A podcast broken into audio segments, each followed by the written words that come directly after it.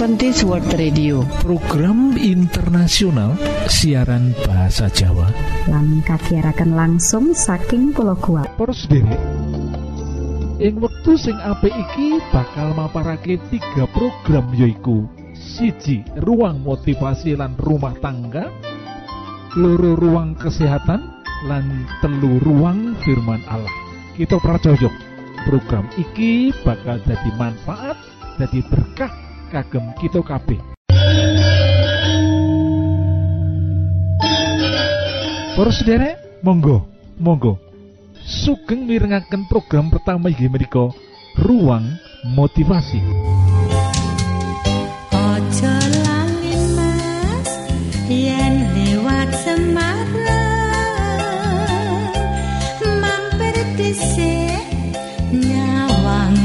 Ruang motivasi yang waktu iki yaitu mengapa yang buruk menempel yang baik tidak bagian yang kedua. Sepisan maneh karena manusia itu berdosa sehingga kita memiliki kecenderungan lebih besar menyerap hal-hal buruk atau yang tidak benar dan melampiaskannya dengan sering melukai orang lain. Kendati relasi dan pengalaman pribadi orang tua contoh buruk yang dilihatnya direkam di otak dan seberapa besar kesempatan untuk keluar dari lingkungan buruk merupakan faktor yang besar mengapa yang buruk itu menempel dan yang baik itu malah tidak. Nah, sekarang di bagian yang kedua yang kita akan bahas kenapa yang buruk itu menempel yang baik tidak adalah karena pengalaman faktor pengalaman pribadi dengan orang tua yang bersangkutan. Nah, ini faktor pengalaman pribadi dengan orang tua. Contohnya lo perlu sendiri. Gara-gara ayah sering berselingkuh. Ibu sering berkeluh kesah kepada kita dan ini akhirnya bukan saja menyusahkan hati kita, tetapi membuat hidup kita dipenuhi kegetiran. Hidup dipenuhi kegetiran, prosedere. Kasihan toh? Oleh sebab itu hiduplah setia supaya tidak membawa kegetiran atau kepahitan kepada anak-anak kita. Yen kepahitan itu dialami anak yang sedang bertumbuh, ini akan membawa masalah pada saat anak-anak menjadi anak dewasa nanti loh para. Nah, biasanya loh, setelah besar kita akan mengembangkan sikap tidak suka. Bukan saja dengan ayah yang melukai ibu, tetapi dengan semua orang yang tidak setia kepada pasangannya, kita menjadi tidak suka. Bahkan ada sebagian anak setelah dewasa dia tidak suka untuk menikah oleh sebab melihat perilaku-perilaku yang tidak indah dilihat itu dan ini yang membuat kehidupan anak menjadi kehidupan yang sangat tidak suka karena perlakuan orang tua yang sangat menyakiti ibu dan membawa kehidupan keluarga menjadi getir karena ayah yang tidak setia. Nah, sak banjure dengan kata lain makin nega, makin negatif pengalaman yang mesti kita tanggung akibat hal buruk dari orang tua. Makin kecil kemungkinan yang buruk menempel pada diri kita perlu sendiri. Kalau pengalaman buruk itu mengakibatkan hal buruk dan kita tahu itu maka ini akan memberikan pembelajaran kepada kita kita tidak akan mencontoh perilaku buruk ini. Begitu pula dengan hal yang baik saudara mirip-mirip ini. Kalau makin positif pengalaman kita akibat hal yang baik dari orang tua makin besar kemungkinan yang baik itu menempel. Nah, jadi kalau hal-hal yang baik, anak-anak mendapatkan pembelajaran dari orang tua dan anak-anak bahagia karenanya, lah ini akan menempel di dalam kehidupannya.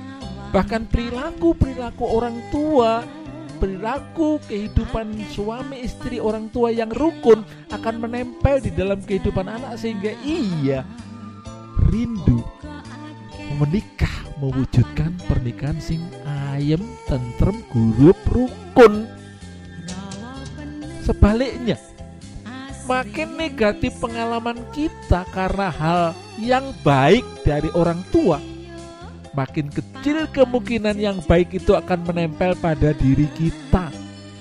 Sekalipun baik, tetapi kalau ujungnya negatif, itu juga akan tidak akan mempengaruhi banyak kepada anak-anak kita. Contoh, kita sering berbuat baik menolong orang, tetapi pada saat yang sama pertolongan itu tidak diperhitungkan dengan baik malah menyengsarakan keluarga maka sifat kebaikan orang tua itu tidak akan menempel mungkin bapak ibu ada yang suka menerima tamu di rumah tetapi tamu-tamu yang datang itu keseringan dan setiap tamu datang maka anak yang menempati tempat tidur atau kamarnya sendiri harus diusir dari kamarnya lah, sifat baik suka menolong orang ini tidak akan menempel kepada anak karena ini menyengsarakan anak. Ngertos Bapak, Bapak Ibu? Mungkin contoh berikut ini dapat membantu bila kita menikmati pengalaman positif akibat sifat orang tua pemurah. Maka besar kemungkinan kita akan mengadopsi sifat pemurah itu kalau itu positif, kalau itu membahagiakan. Lah sebaliknya, yen pengalaman kita justru buruk gara-gara orang tua pemurah kaya sing tak ceritake mau maka besar kemungkinan sifat yang baik itu pemurah itu tidak akan menjadi kita warisi eh, kita terima menjadi warisan kita menolak karena menyengsarakan kita misalnya gara-gara orang tua pemurah maka berkali-kali mereka ditipu atau setidaknya dimanfaatkan orang sebagai sebagai akibat beberapa kali keluarga jatuh bangkrut gara-gara murah hati lah. Nah pengalaman buruk ini akhirnya membuat kita berbalik arah. Kita tidak akan mencontoh perbuatan orang tua yang baik karena malah menyengsarakan. Jadi konsepnya sama, baik atau buruk itu sama menempel atau tidak itu salah satunya yaitu di bagian yang kedua yang telah kita paparake penyebabnya menempel atau tidak perbuatan buruk dari orang tua itu karena faktor pengalaman pribadi dengan orang tua yang bersangkutan menjadi positif atau negatif di dalam kehidupan kita. Kita akan bahas bagian yang ketiga. Gusti berkati.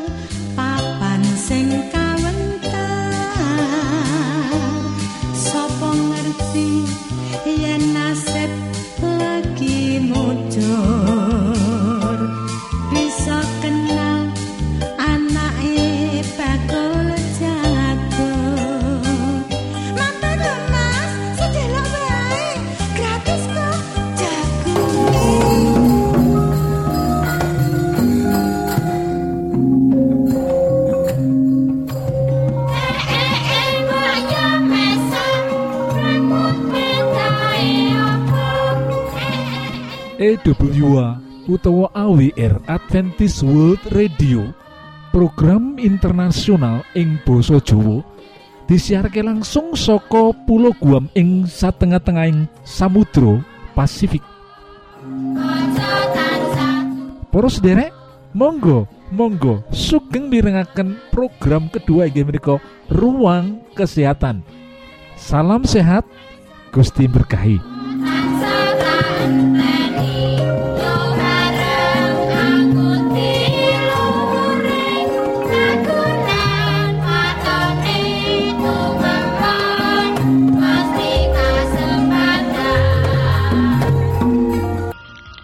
Kacang ijo sing nyehatake.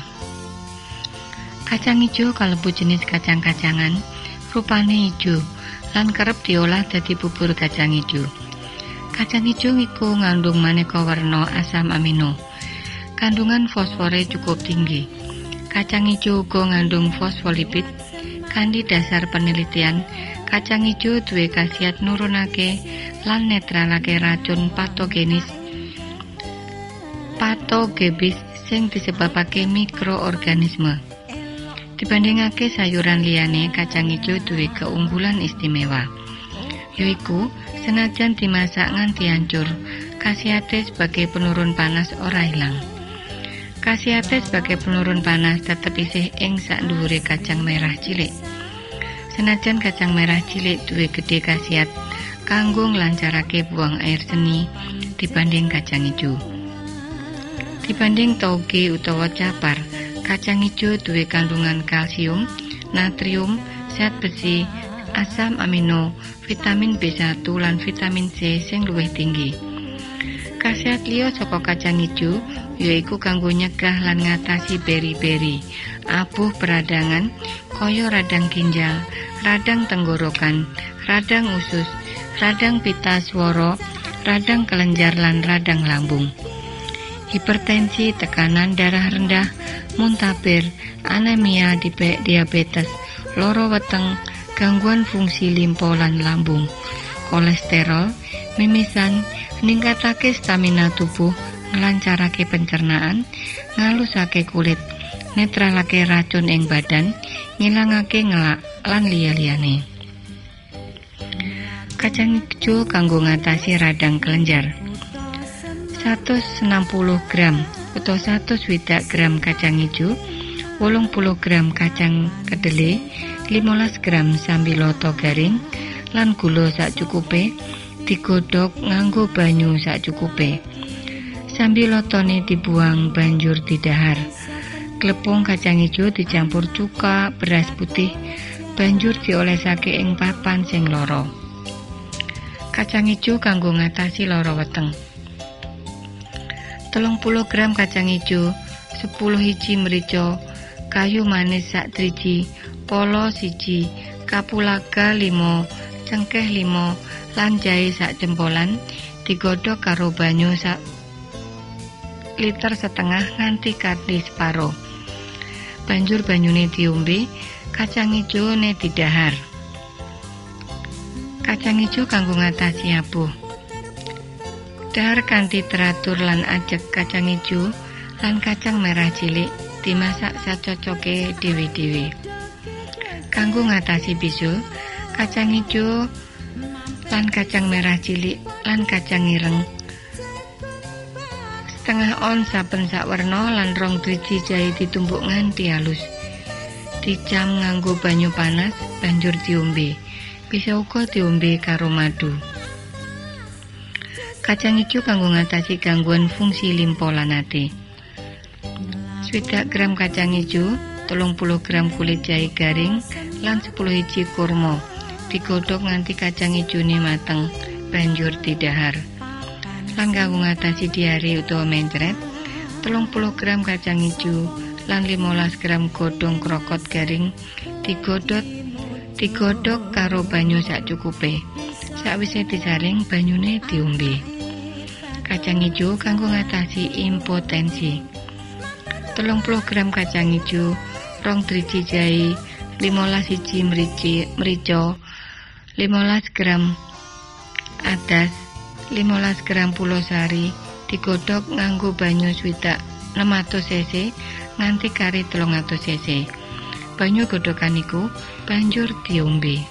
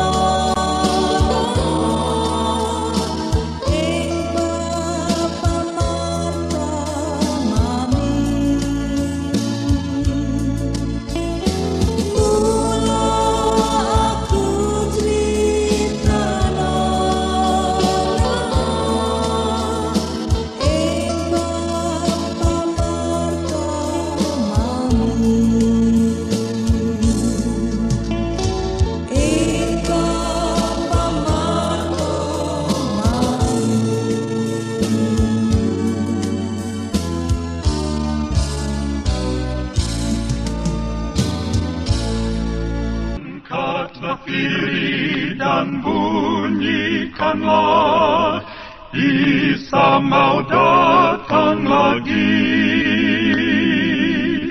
Nyanyi musafir dan pujikanlah Isa mau datang lagi EWA utawa AWR Adventist World Radio. Program internasional ing Boso Jowo disiarke langsung saka Pulau Guam ing satengah-tengahing Samudra Pasifik para sederek ing wektu sing apik iki monggo kita siapkan hati kita kangge mirengaken firman Allah Datang lagi, datang lagi, Isa mau datang lagi. Para Sutrisno kinasih, sugeng ketemu ing acara mimbar suara pengharapan. Yen kita wau firman Allah sing kawedhar ing kitab suci. Buku Lukas pasal 15 ayat 20 sing surasane mangkene. Bocah mau nuli ngadeg banjur mulih menyang omahe bapake. Nalika isih adoh, bapake wis weruh gledangi anake. Bapake mau ternyuh hatine merga saka welase. Anake nuli diplayoni, banjur dirangkul lan diambungi. Para Sutrisno, iku mau petilan pasemon bab anak sing ilang. Sing bisa panjenengan waos luwih cetha ing Lukas 15 ayat 11 nganti ayat 32. Pasemon anak sing ilang yaiku contoh perdamaian. Yesus maringake iki minangka pelajaran sing dasar. Sebab ing hakikate wong-wong Farisi lan ahli Taurat perlu perubahan sikap supaya padha bisa damai karo si tukang renten Sakius lan wong-wong dosa. Yen wong-wong mau ora gelem damai saiki, kepiye wong-wong iku bisa damai ing kratone Mesias iku? Para Sutrisno, apa panjenengan damai rukun karo kakang adi panjenengan, karo ibu lan bapak, suami, istri, uga para sekabat lan kenalan. Semono uga tangga teparo. Coba dipikir luwih jero. Ing wektu-wektu sing damai kasebut, saibo sang bapak nganti-anti wektu perdamaian iku. Dheweke mlayu mapak blegere anake sing isih adoh iku. Apa sing marakake langkahe krasa enteng nganti bisa mlayu kanthi rikat. Harapan sawiji hubungan anyar sing luwih becik. Wiwitan sing luwih apik. Sebab harapane mula sang bapak ora nuntut dijelentrehake ora nakoni bab sing wis kliwat. Dheweke berusaha buka lembaran anyar. Sapengadeg jubah pakaian sing paling apik sepasang sepatu lan ali-ali uga pesta yaiku sing marakake harapane kawujud banjur apa sing mursal sing wis dadi kere iku? Senajan pakewuh lan abot duwe tekad mulih menyang omahe sing biyen. Bali menyang bapak sing dilalekake saksuwene iku. Iya dheweke uga ngarepake sawijining perdamaian. Dheweke ora ngarepake sawiji sing gedhe. Dheweke wis ngedol hak warisane wis mboros-mborosake duwite kanggo seneng-seneng karo wanita-wanita. Plesiran mabuk-mabukan. Dheweke rumangsa seneng oleh kebebasan. Adoh saka wong tua sing paring aturan werna-werna lan kudu dituruti. Ing pangumbarane dheweke ora gelem kerja babar pisan. Lan akhire pasedyane dhuwit saka warisan sing wis dijaluk luwih dhisik saka bapake iku dadi entek. Kanca-kanca sing akeh ing nalika dheweke duwite akeh saiki wis padha ninggalake dheweke. Kanca-kanca sing biyen kerep diajak seneng-seneng saiki ora ana sing gelem nulung dheweke. Ora ana sing gelem menehi papan kanggo ngledakake awake. Ora ana sing gelem ngulungi sepiring panganan yen dheweke lagi luwe. Uripe ketula-tula nganti ing sawijining dina dheweke ditampa kerja dadi tukang kresiki kandang babi. Lan ing kono uga dheweke turu. Saking luwene, pakane babi sing ino iku kapeksa dipangan. Luse tetes. Kelingan bapake, bapak sing wis ditinggalake. Ditinggal mburu kesenengan kandonyan. Sing sifate ora langgeng. Kanthi ati sedih, dheweke kelingan ing omahe bapake. Bapake sing kecukupan. Para rewang lan pengangon sing kerja marang bapake ora nate kekurangan pangan. Nanging saiki dheweke anake bapak sing sugih mau uripe ketulo-tulo. Banjur pikire, luwih becik aku mulih menyang bapakku. Senajan aku ora diaku anak maneh, nanging paling ora aku bisa dadi kuli ing omahe bapakku. Lan aku mesti diingoni kaya rewang-rewange liyane. Kanthi mengono uga dheweke duwe kesempatan nyatakake sih katresnane. Senajan pikire dheweke ora diaku anak maneh. Para sutresno, ing kisah iki disebutake sawijining wong sing ngrasa dirine penting. Anak iku pancen penting tumrap bapake. Senajan tumrap kita dheweke iku ora katon kaya wong sing ora ana regane. Semono uga tumrap si anak. Bleger sang bapak uga semono pentinge. Senajan tanpa dibarengi materi. Pokoke bisa cedhak karo bapak wae aku wis seneng. Ya mengkono iku carane Yesus paring piwulang wong-wong ing saubenge bab perdamaian. Para sutresno, dadi pancen pas yen kita sadar diri kita kaya anak sing ilang iku. Kita berusaha bali ing ngarsane Sang Rama, Allah kita. Lan kita dadi sukacita sebab panjenengane kagungan sih katresnan lan sih karunia. Nanging saiki ana gunane yen nyritakake bab kisah anak sing ilang iki marang panjenengan lan marang wong-wong liya. Piwulang iki ngajak panjenengan lan aku supaya tansah duwe pangarep-arep lan berusaha kanggo damai, rujuk karo wong-wong sing ana ing lingkungan panjenengan. Ing pasemon iki ora ana ejekan, ora ana sindiran, ora ana tuduhan marang anak sing keilang mau. bab dalan kejahatan sing wis tau dilakoni. Anak iku ngrasa yen masa kepungkur wis diampuni lan dilalekake. Dibusek kanggo selawas-lawase. Yen saumpama ana pamirsa sing rumangsa wis duwe wis suwe ninggalake Gusti Allah. Bapa sing agung, Bapa sing kebak rahmat lan katresnan. Saiki wektune bali. Ora perlu sungkan.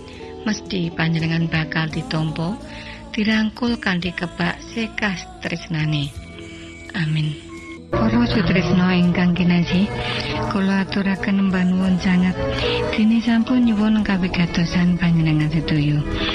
Mugi-mugi menapa ingkang kita aturaken wonten manfaatipun kagem panjenengan sakeluargi. Lan Gusti Allah tansah paring ayo mugi kasugengan kagem panjenengan sedaya.